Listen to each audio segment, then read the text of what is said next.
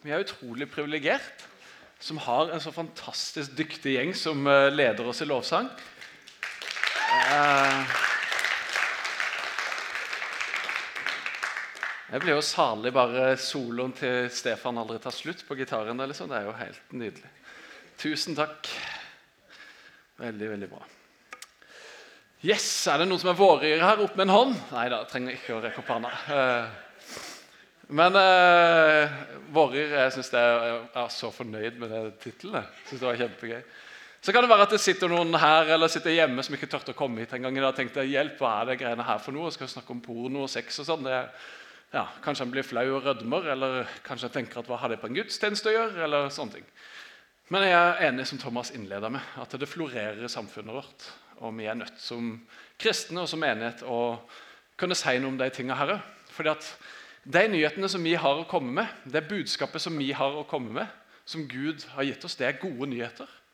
Han har et godt budskap. Og jeg tror at det budskapet som Gud har å gi oss òg om sex, det er et mye bedre budskap enn det som vi blir tilbudt i VG eller på TV eller på Internett eller hvor det skulle være. Eh, så jeg tror det er kjempeviktig og bra å snakke om. Og Jeg har bare lyst til å begynne med én ting, og det er det som kanskje er det viktigste å sitte igjen med. tenker jeg. Og det er at Gud han er for sex. Gud han er for sex. Det er han som har skapt det. Han har gitt det til oss som en gave. Og jeg tror at I mange i kristne sammenhenger ofte så kan det være noe sånn skambelagt med sex. Ja, En må ikke ha sex før en gifter seg. Og sånne ting. Eh, og så tror at mange drar det med seg inn i et ekteskap. Hvis du har blitt uh, fortalt på en måte at nei, du, du, kan ikke ha sex før du gifter deg, så, så bærer det med seg en sånn skam som du kan ta med deg inn i ekteskapet når det er lov òg, på en måte. Når det er de rette, gode rammene for det. Og så sang vi en sang i stad om at Jesus han, vi kan komme til han helt uten skam.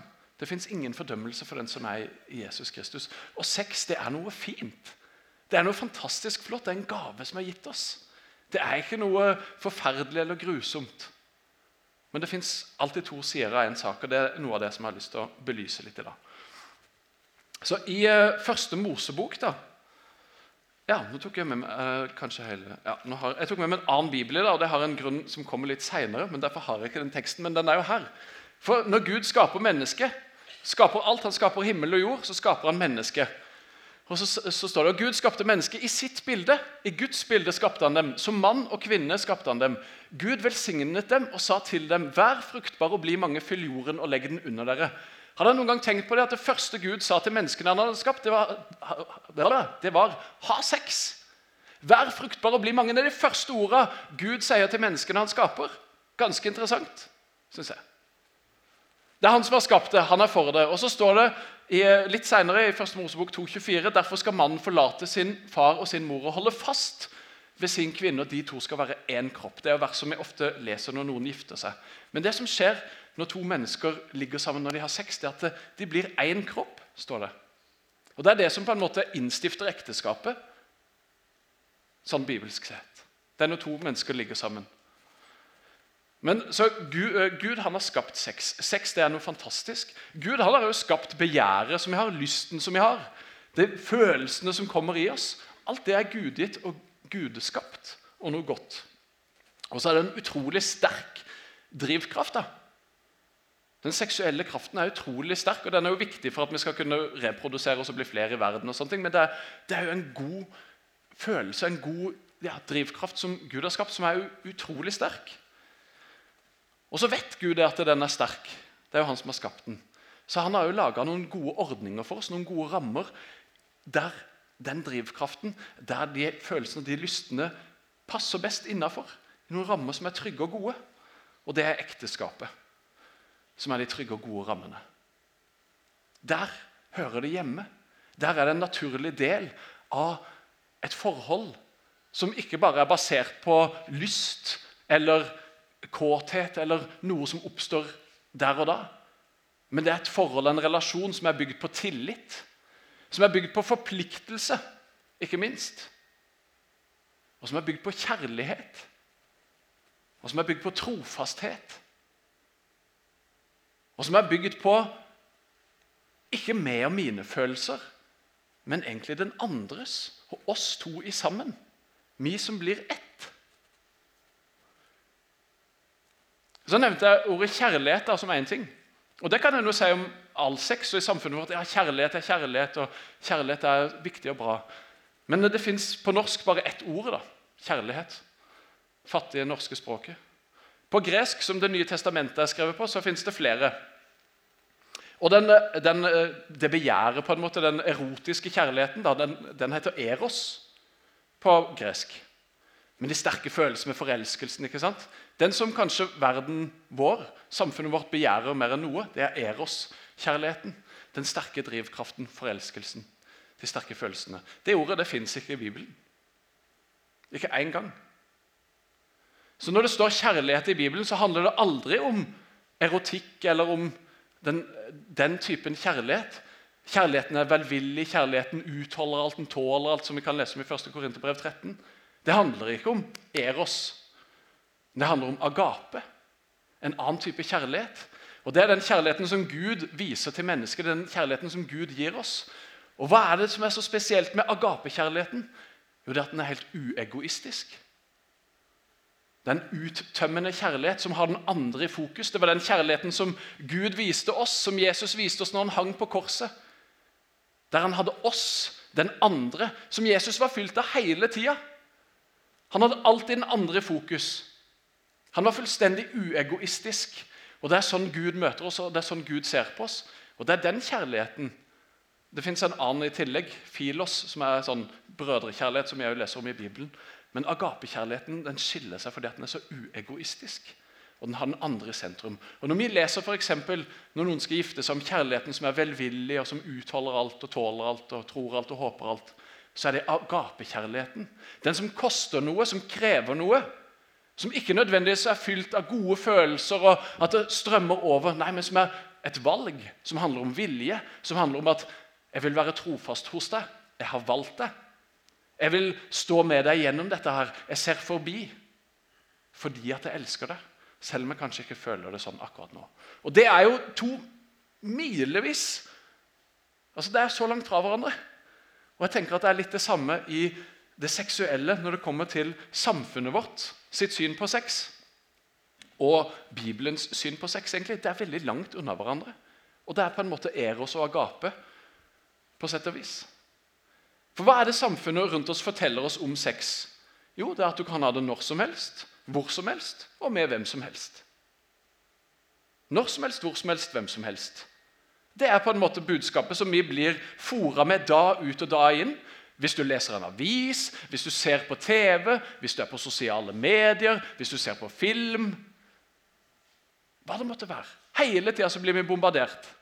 Og ungdommene våre, barn og unge som vokser opp i dag, som er konstant på en telefon og har tilgang til alt døgnet rundt, de er så utsatt for påvirkning og press på dette feltet her at det er helt enormt. Så de av oss som har levd i en tid der ikke det var Internett og ikke alt var tilgjengelig hele tida, så tror jeg ikke vi kan forstå det. Men overalt i sosiale medier det som de er, så blir de fora med de her tankene. Og Burde ikke vi da fortelle dem et bedre budskap? Jo.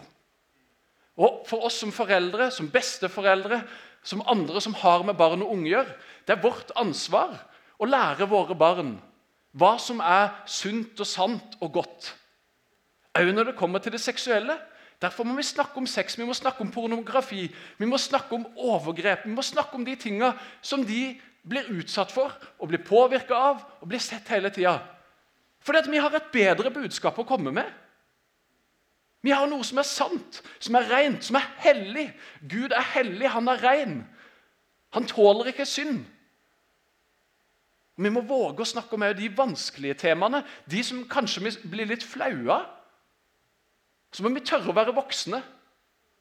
Og så må vi tørre å gi barna og ungene våre det beste vi har. Og Da er vi nødt til å forstå hvilken, i hvert fall litt av det, hvilken verden de lever i, hvilke utfordringer de har, og hva det er de står midt oppi. Og Det gjelder jo ikke bare barn og unge, men alle oss som lever i dagens samfunn, som er på sosiale medier, som ser på TV osv. Vi blir bombardert med inntrykk og påvirka. Vi er nødt til å vite hva som er sant, hva som er ekte. hva som er godt. Det som er veldig interessant, da, det er at eh, på Jesu tid så var samfunnet veldig likt som nå. Kanskje enda verre når det kommer til det seksuelle. Det var helt vanlig å ha en elskerinne. I det greske samfunnet så var du gift med ei dame for å få lovlige barn, men hun kunne like gjerne bli låst inne på et rom og bare være der. Hun hadde ingen betydning. Og så hadde du noen sånne konkubiner sånn som du bor sammen med og ligger med. Og sånn. Og så hadde du prostituerte for eksempel, som du kunne kjøpe andre elskerinner. Det var helt normalt. det var helt vanlig. Overalt i samfunnet så florerte det. Så det sies at De første kristne, den største forandringen de brakte til samfunnet, det var seksualmoralen. Der de snakka om at nei, du skal bare ligge med én person, og det er den du er gift med. Du skal holde deg til den. Du skal ikke drive og ligge rundt. Det var superradikalt i den tida. Og så syns vi at samfunnet vårt dreier seg i en retning som, som, går i en negativ retning når det kommer til dette punktet. Da. Og så ligner det veldig på den virkeligheten som Jesus og de første disiplene levde i. Og Det er jo veldig interessant når vi leser Bibelen. Så kan det, vi kanskje relatere det enda mer enn det vi har kunnet gjøre tidligere. Nå skal vi lese litt fra 1. Korinterbrev 6, 12-20. Det er en del vers. Og den, Nå har jeg tatt med meg denne Hverdagsbibelen. heter den. Fordi at Maria, kona mi, hun har fått eh, Hverdagsbibelen. Eh, og Den er skrevet på et litt sånn enklere språk. Og så syns jeg at den var veldig fin akkurat til de tekstene jeg har lyst til å bruke nå. Den er veldig fin generelt. Så hvis du syns Bibelen er litt vanskelig å forstå noen ganger, gi Hverdagsbibelen et forsøk. Se om det er lettere. Litt mer sånn hverdagslig språk. Så I 1. Korinterbrev 6, 12-20 så står det Jeg har lov til alt, men ikke alt er like sunt for meg. Jeg har lov til alt, men jeg vil ikke at noe skal få kontroll over meg. Og Det er noe av det som jeg har lyst til å snakke om i dag. Magen vår trenger mat, men Gud er herre både over maten og magen. Gud har gitt oss en kropp, men den er ikke skapt for et urent seksuelt liv utenfor ekteskapets rammer. Den er skapt for å tjene Herren, og Herren er til stede for å hjelpe oss. For Gud, som reiste Herren opp fra døden, skal også reise oss opp ved sin kraft. Vet dere ikke at de troendes kropp er en del av Kristi kropp? Derfor må dere på ingen måte tillate dere seksuelle utskeielser ved f.eks. å ligge med en prostituert. Dere vet vel at to mennesker blir ett når de ligger med hverandre. For det står skrevet de to som ligger sammen, skal bli én kropp. Tenk å bli ett med en som selger kroppen sin for penger. Og Dette er skrevet til menigheten i Korint. I Korint så lå det et tempel til, eh, for Artemis, som var sånn fruktbarhetsgudinne. Der var det 1000 tempelprostituerte. står det. Det var 1000 prostituerte på det tempelet. Og så, Hvorfor tror vi at Paulus skriver dette? Jo, fordi det var jo superrelevant for hverdagen de sin. For det de levde i. De så jo det her tempelprostituerte. De brukte det jo. Så var han nødt til å adressere det på et vis. Og så hever han jo standarden voldsomt. Fordi at kroppen vår den er skapt for å tjene Gud. Åssen kan vi da bruke den med noen som selger kroppen sin for penger? Åssen kan vi bruke kroppen vårt til det som ikke er godt? Til det som ikke er hellig, til det som ikke er rent? For Kroppen vår kan jo brukes til det som er etter Guds vilje og Guds plan. Vi kan ære Gud med kroppen vår, og det gjør vi når vi har sex innenfor de rette rammene. I et ekteskap. Da ærer vi Gud. Det er ganske utrolig kanskje for noen, men det er helt sant. Og Måten vi bruker kroppen vår på, det har betydning. Så Når vi ligger med noen, så blir vi én kropp. står det. Akkurat som vi leste fra første Mosebok tidligere. han peker på det. Så står det videre, Men den som overgir seg til Herren, blir ett i ånden med Han. Vi har altså blitt ett med Kristus når vi tar imot Jesus og får Den hellige ånd. Derfor skal dere holde dere langt unna sex utenfor ekteskapet. Flykt fra seksuell løssluppenhet. For enhver synd som et menneske gjør, skjer utenfor kroppen. Men den som har sex utenfor ekteskapet, synder mot sin egen kropp. Det er altså noe, noe annet, noe sidestilt fra de andre syndene som fins. For vi synder mot vår egen kropp, mot den kroppen som tilhører Gud. Som det står videre her. Dere vet vel at kroppen deres er et tempel for Den hellige ånd? Det er ikke så rart at han bruker ordet tempelet når vi kjenner til tempelet der med de tempelprostituerte. Men han sier at vår kropp, min kropp, er et tempel for Den hellige ånd. Åssen er det templer ofte ser ut? Jo, de er jo fullt av gull. Blankpolerte og skinnende og flotte. Ikke tilsmussa og skitne. Og Hvis min kropp er et tempel for Den hellige ånd, så bør min oppgave være å sørge for at det er rent og fint i dette tempelet, sånn at Den hellige ånd kan trives. Og som vi har fått fra Gud. Dere tilhører ikke lenger dere sjøl, for han har kjøpt dere for en høy pris.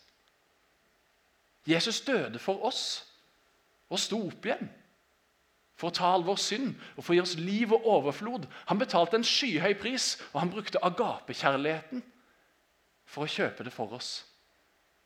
Og så tilhører vi Han, som er blitt ett med Han, som et tempel for Den hellige ånd. Derfor skal dere gi Gud ære, både med kroppen og ånden deres, for begge tilhører Gud.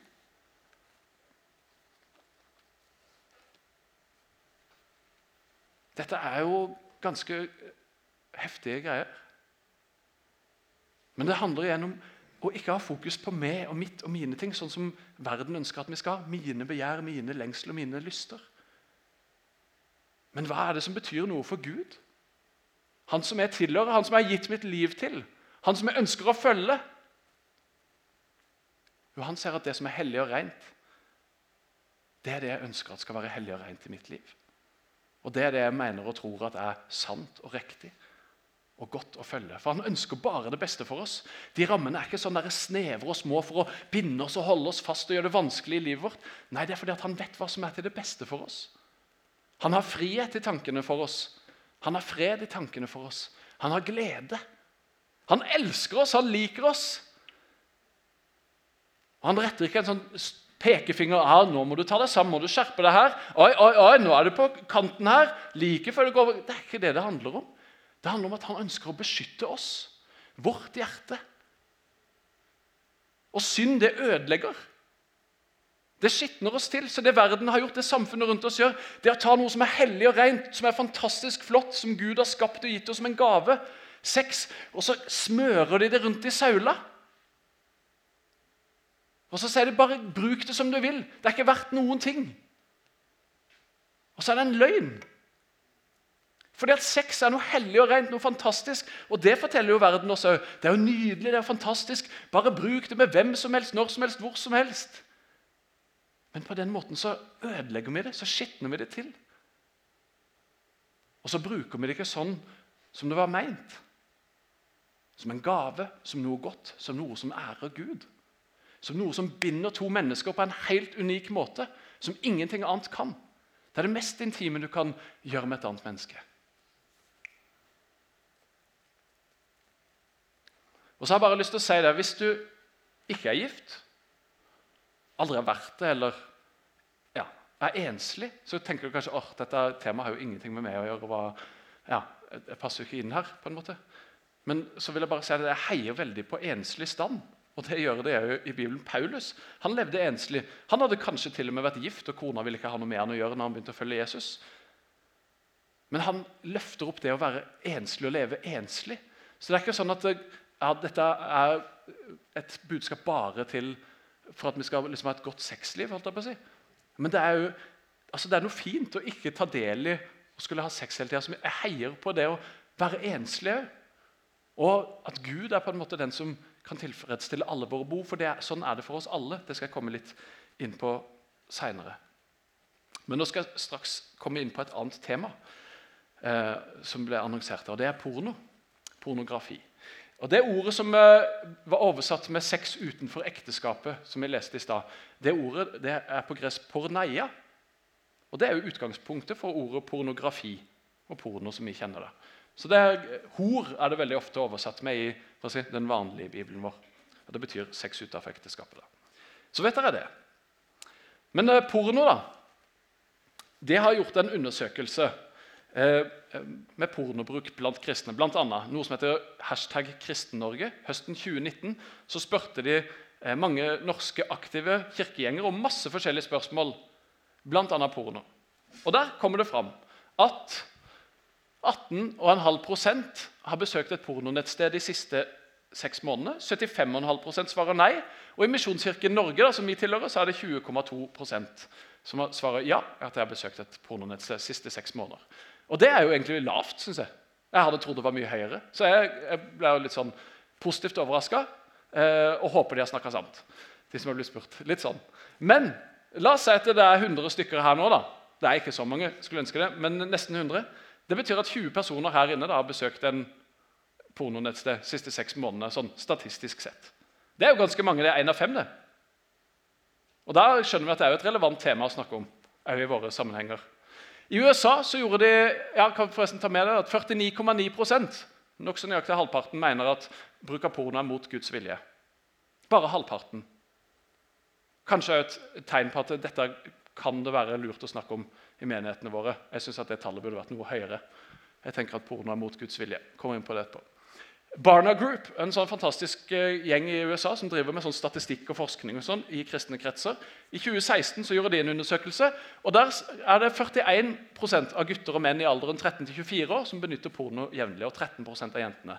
Det er flere gutter enn jenter, men en ser at flere jenter. Og det er flere yngre enn eldre òg, men en ser samtidig på statistikken at det holder seg nokså jevnt. Det er flest liksom fra 30 til 30, kanskje. da. Men så holder det seg ganske jevnt, som du er 40, 50, 60, 70, 80. Det spiller ikke så stor rolle lenger. Det er nokså likt bruk.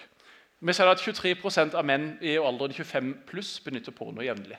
Og 5% av kvinner. Dette er statistikk fra USA, eh, som da er noe høyere enn i Norge. Men de sier at Norge er det landet, eller Skandinavia er den delen av verden som pornobruk er høyest eh, snitt per innbygger, innbygger. Det var litt sånn enkel statistikk om porno i kristne kretser. Men hva er, det, hva er greia med porno? For skal jeg på en måte ta opp Det er, det er bare halvparten som mener at det er imot Guds vilje. Jeg er en del av den halvparten som mener det. Og Hva er det med pornografi som er negativt? da? Vi skal få opp noen ting her. For det første så er den eh, pornoindustrien, pornobransjen en forferdelig kynisk bransje. De utnytter mennesker kun for egen profitt. Og de vet at sex selger, så de kjører på, koste hva det koste vil, og kjører over mennesker over en lav sko. Det er kjempestor grad av menneskehandel innen pornoindustrien. Jenter og damer som blir kjøpt og betalt for å ja, blir utnyttet til tjenesten som de tjener masse penger på. Da. Så det er kjempemye menneskehandel. Og når en bruker porno, så bidrar en til menneskehandelen. Hardt og brutalt, men sånn er det. Og ja, Menneskehandel er ikke bra. Det er en utrolig forferdelig måte å se på mennesker på. Du er ikke verdt noe, vi kan bruke deg som vi vil. Og Det er jo noe av det andre som er tredje punktet mitt, objektivisering. Veldig ofte Damene som er med i sånne pornofilmer, sånn, blir veldig objektivisert. Det er bare et objekt som er til for mannens nytelse. Ingenting mer enn det. Og Hvis vi fòrer oss med porno, hvis vi ser på dette, her, så gjør jo det noe med våre holdninger og våre tanker til andre mennesker. Òg til damer. Som gjør at å ja, de er jo bare et objekt som er til for min tilfredsstillelse, for mine behov, for mitt begjær, for meg. Det egoistiske er utrolig tydelig i porno. Og Det fører til det andre punktet overgrep. En ser det at Flere og flere voldtekter er grovere og grovere.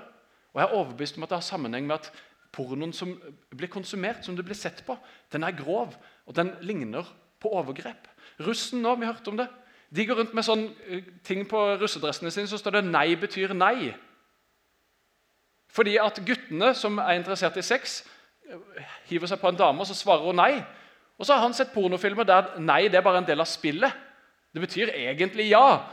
Og så blir det overgrep. Og så skjønner ikke guttene som har sett på de her pornofilmene, at nei betyr nei. Så de forgriper seg på de her jevngamle venninnene sine. For de tror at det er en del av et spill, eller sånn det skal være. For de har ikke hørt annet enn de falske nyhetene. De har ikke hørt det gode budskapet. De har fora seg med et negativt budskap. Og så gjør det at jentene må gå rundt med 'nei betyr nei'. Det påvirker samfunnet vårt i stor grad, denne pornoindustrien. Det får negative konsekvenser for hele samfunnet vårt. Det er med å forvrenge virkeligheten. Det gir oss et falskt bilde av åssen det egentlig er, som gjør noe med sexlivet vårt. Hvis vi ser på det, så tror vi at det skal være sånn som på de filmene som vi ser på. Og, så videre. og så er det urealistisk. Det er et forvrengt bilde som kan skade forhold og det seksuelle innenfor et forhold. Noen bruker det for å piffe opp forholdet, men veldig ofte så ender det med at det, det skader mer enn det gleder. Da. Ja, det ødelegger forhold. Selvfølgelig så gjør det noe med den andre et forhold hvis den ene er avhengig av pornografi og ser på andre damer eller andre menn. for den saks skyld, Men det er vi menn som har det største problemet. så Oftest er det vi som kikker på andre damer. Vi menn er veldig ofte visuelle oss, så det visuelle det blir vi lett tiltrukket av. Oi, så her var det noen spennende greier som vekker følelser i oss, som gjør at vi kan bli avhengige osv. Men det er klart det gjør noe med den andre part i et forhold. Hvis en setter seg ned og heller kikker på noen på en skjerm enn å se på den en er gift med eller sammen med. Det preger, det ødelegger, det skaper konflikt. Og Der må vi menn ta et ansvar og si at det, det er du jeg vil begjære. Det er du som er min, det er du jeg tilhører. Jeg vil ikke ha noe med de andre å gjøre. Og jeg vet, nå skal jeg være personlig, jeg vet at er det noe som jeg kunne blitt fanga i, så er det porno. Er det noe som trigger på en måte meg, så er det det seksuelle. Det sies ofte at penger, sex og makt det er tre sånne triggergreier. Penger og makt det bryr meg fint lite. Men sex det er absolutt noe som jeg kjenner er en trigger. Og når jeg og Maria var nokså nygift, så gikk vi på Ansgar-skolen, på bibelskole. Fantastisk å begynne som nygift der. Og da, var, da rota jeg meg inn på noen sider på nettet. Eller rota meg inn, jeg gikk jo dit helt frivillig. Det var ikke, det ikke pornosider, men det var sånn som egentlig vi kan se på VG og Dagbladet i dag. Sånne clickbates, f.eks. Eller noen saker som kunne handle om litt lettkledde damer. For eksempel, eller sånne ting. Men mitt fokus det var, det var jo på et, et, galt sted. Og Jeg husker en gang som Maria kom hjem, og jeg hadde vært inne på noen sånne sider. Og så hadde jeg heldigvis såpass samvittighet at jeg var nødt til å fortelle det. da. At, eh, for, og Hun merka det sikkert, hun gjennomskuer meg litt som ingenting. Her er det noe galt. Og Så ble hun så irritert og så provosert, og lei seg, ikke minst, og såra.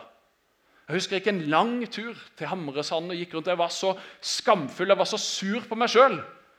Hva er det du har gjort? Hva er det du holder på med? Men det ble helt nødvendig for meg. Det gjorde at jeg tok en bestemmelse om at jeg, jeg vil ikke bruke tida mi, jeg vil ikke bruke fokuset mitt på halvlugubre sider. Og Det gjorde jo at jeg slutta å lese VG og Dagbladet. For jeg visste at her fins det saker som trigger meg, som ikke er bra for meg. Jeg vet at det fins filmer som jeg ikke burde se på, for det gir meg bilder som fortsetter etter at filmen er ferdig, og som ødelegger for meg og for vår relasjon og vårt ekteskap. Så en er nødt til å gjøre noen sånne drastiske valg av og til. Og Hvis du strever med de tingene, så skjønner jeg det kjempegodt. Jeg er ikke her for å rette noen pekefinger, jeg er ikke her for å si at du burde ta deg sammen eller skjerpe deg, for jeg vet at det er vanskelig. Og Det er som jeg sa i sted, det er en utrolig sterk drivkraft. Og Derfor er vi nødt til å beskytte den og ta vare på den, sånn at ikke vi blir ødelagt sjøl. Sånn at ikke vi skitner oss til, Sånn at ikke det får muligheten for å ødelegge for oss i våre relasjoner, i våre forhold. For det er fint lite bra som kommer ut av dette. her. Avhengighet er en annen ting. Det uh, utskilles dopamin i hjernen vår. Lystsenteret vårt i hjernen det jobber på høygir når vi ser på porno. Vi blir tilfredsstilt gjennom det. Og Det gjør at vi får lyst på mer og vi får lyst på mer. Og vi får lyst på mer. Og det er ikke lenger godt nok, det som vi har sett på, så da må vi gå videre til noe som er litt drøyere, som er litt heftigere, som er litt mer voldsomt. For å gi hjernen vår det. Og så skjer det noe med den naturlige sexlysten vår. I løpet av de siste, siste ti åra har bruken av Viagra, altså potensmiddel for å få ereksjon, steg, det har fordobla seg blant gutter i alderen 16 til 19 år. Altså det, det, gjør noe fysisk med oss når vi blir opphengt i å ja, altså De klarer ikke å ha sex med et annet menneske, for de er så vant til å få på en måte det som de tror at de ønsker og trenger via en skjerm. Og det skader, og det ødelegger. Og Vi vet at barn i 8-9-årsalderen blir introdusert for dette her. Og blir avhengig av det og får ødelagt en hel ungdomstid. Heldigvis fins det mange mennesker som forteller at 'jeg var avhengig, men jeg har blitt fri'. Og Hvis du strever med avhengighet, eller med ja, at dette ødelegger for deg, eller at du kjenner at jeg har en sånn dragning mot det som jeg helst ikke vil ha, så gjør noe. Vi er nødt til å endre vanene våre, vi er nødt til å endre livsstilen vår. Vi er nødt til å endre det som setter oss i posisjoner til at vi kan gjøre valg som vi på. Angrer på. Det er ikke synd å se på noen og tenke 'oi, hun var flott'. Men hva gjør vi videre etter det? Hvordan fungerer tankene våre i det her? Og det, Når vi fòrer oss med det som er, ikke er sant og ekte og godt, så gjør det noe med hvordan vi tenker og ser på andre. Så Hvis du strever med de her tingene, så har jeg fire punkter til deg som jeg har lyst til å foreslå. Hvordan kan du bli fri fra det som du er avhengig av? Dette gjelder ikke bare porno, men det gjelder andre ting. men særlig porno. Hvordan kan du bli fri? Det første som alle som har vært avhengige og ikke er det lenger, ser, det er å fortelle til noen. Og Hvis du er gift eller er sammen med noen, så kan det være lurt å ikke fortelle det til den i første omgang. Men finn et menneske som du har tillit til eller er fortrolig med. Eller kom til meg hvis det er det om å gjøre. Jeg har taushetsplikt. Fortell ikke noe til noen. Gå til noen som du kan være fortrolig med og si at 'jeg har et problem'. Jeg strever med pornografi eller annen avhengighet. Så fortell det til noen. Første budskap. En venn, hva det måtte være. Nummer to sørg for å bli ansvarliggjort. Kanskje den samme vennen følger deg opp. Du, åssen går det? Har du, har, du vært, har du, sett på porno den siste uka eller siste måneden? Eller noen som, kan, som du gjør en avtale med, som følger deg opp? Og Det var det som var nødvendig i mitt liv. Jeg fortalte til Maria at jeg hadde vært inne på noen sider jeg ikke burde. Hun var, ansvarliggjorde meg og sa dette må du slutte med. ikke sant? Og så gjorde det at ok, det var noen som ansvarliggjorde meg, det var noen som hjalp meg til å vende meg en annen vei. Punkt tre gjør nødvendige grep. Slutt å lese VG og Dagbladet hvis det er problemet ditt. hvis det leder deg til andre ting. Altså, Du kan legge inn filtre på internettet ditt som gjør at ikke du ikke kommer inn på forskjellige sider. Her er heltfri.nett, som vi har gitt en gave til deg, eller Tro og Medier. Genialt. Det er masse ressurser på ting som du kan installere på maskinen din osv. Men slett alt mulig.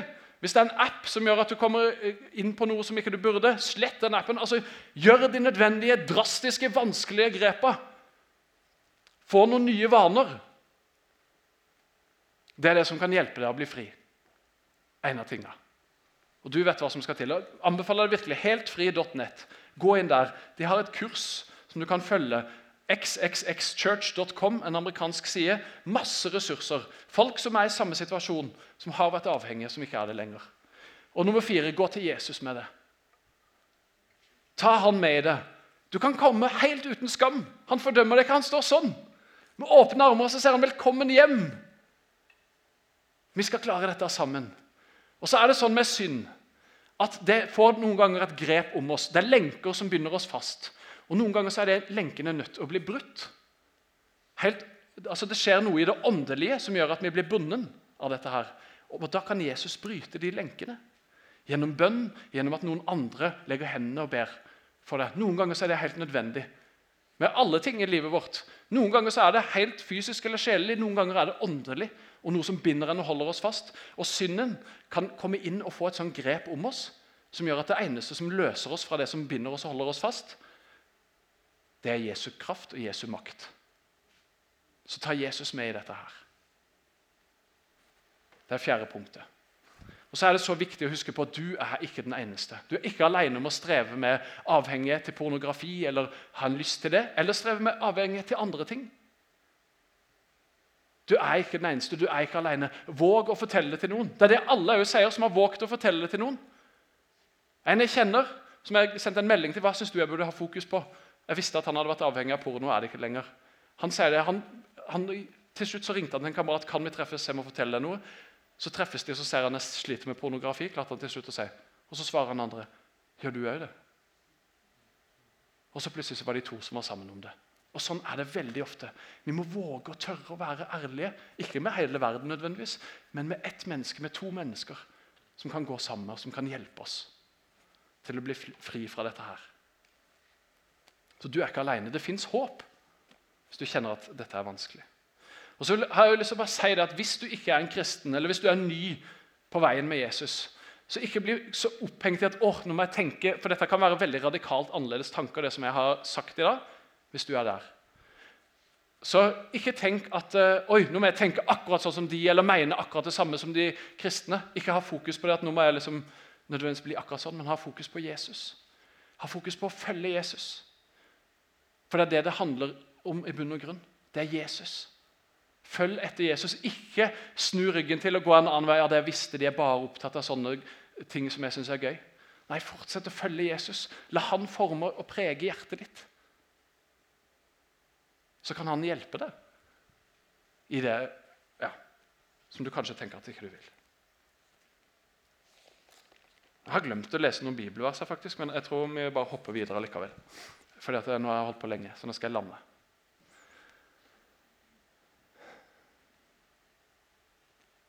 Gud er god.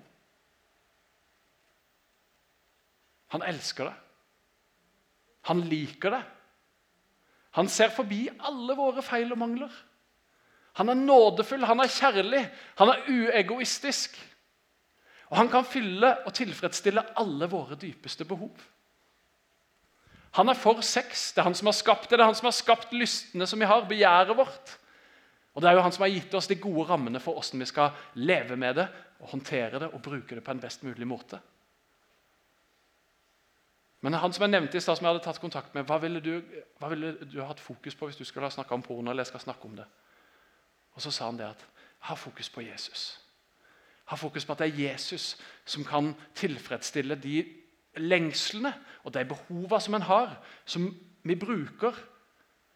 Altså som vi, vi leter etter å få tilfredsstilt noen dype lengsler i oss. Og Noen ganger så bruker vi alkohol, noen ganger så bruker vi porno. Noen ganger så bruker vi andre ting for å få døyve eller for å få gi oss det som vi lengter etter. Og så er Det utrolig at det gir oss det jo der og da. Vi får jo det vi lengter etter og trenger. Men det er bare kortvarige nytelser. Det er bare kortvarige gleder. Og det tilfredsstiller oss ikke virkelig på dypet. Det gir oss bare en sånn følelse at 'å, det var jo godt', eller og så Ofte så er det skambelagt etterpå, så er det vondt etterpå. Ofte så leder det oss på en negativ vei. Men den eneste, selv ikke i et ekteskap, så kan den andre parten tilfredsstille oss fullt og helt og gi oss det som vi lengter etter dypest sett. Det er det kun Jesus som kan. Og Til og med i et ekteskap så kan en være for Altså En kan opphøye den andre for mye, som at det blir nærmest som en guddom for en. Det er den en tilber. Og Det er heller ikke sunt og riktig, for det er bare Gud som er verdig å bli tilbedt. Og det er bare han som kan tilfredsstille våre dypeste lengsler og dypeste behov. Og Ikke sånn på et seksuelt plan, men det går så mye dypere enn det. For i det seksuelle så er våre dypeste lengsler det er å bli sett, det er å bli anerkjent, det er å bli elska. Og Det kan vi i en viss grad sammen med et annet menneske, men det er kun Gud som kan tilfredsstille oss så dypt. Det er kun Han som har skapt oss, som kan det. Hos Han er det alltid nåde. Hos Han er det alltid en ny start. Hos Han er det alltid kjærlighet. Han tok all synd og så nagla han det til korset. Fordi han vil at vi skal være fri. For at vi skal ha liv og overflod. Og Det er det han gir til oss. Så det håper jeg at du har lyst til å ta imot i dag. Jesus, takk for din enorme kjærlighet. Takk for din uegoistiske, usentrerte kjærlighet som du gir oss. Takk for at du er god, takk for at du elsker oss, takk for at du liker oss, og takk for at du har frihet og fred og glede i tankene for oss. Herre, må du hjelpe oss med de tingene som vi strever med, det som vi ja, blir avhengig av. Du ser sexindustrien og pornografien og samfunnet rundt oss. Takk for at du har et bedre budskap. Takk for at du er hellig og god og ren. Takk for at du ønsker det beste for oss, Herre. Og Helligånd, må du komme og røre ved oss og gi oss en lengsel etter å bli bedre kjent med deg. Jesus, må du hjelpe oss med de tingene som er vanskelige, sånn at vi kan vende oss om og vende oss vekk fra det som ødelegger oss, som binder oss, som holder oss fast, og som vi kan gå en ny og bedre framtid i møte. Takk for at du aldri svikter oss, du forlater oss aldri. Du går alltid med oss. Takk for det, Herre Jesus. Ta imot vår takk og vår lovprisning. Amen.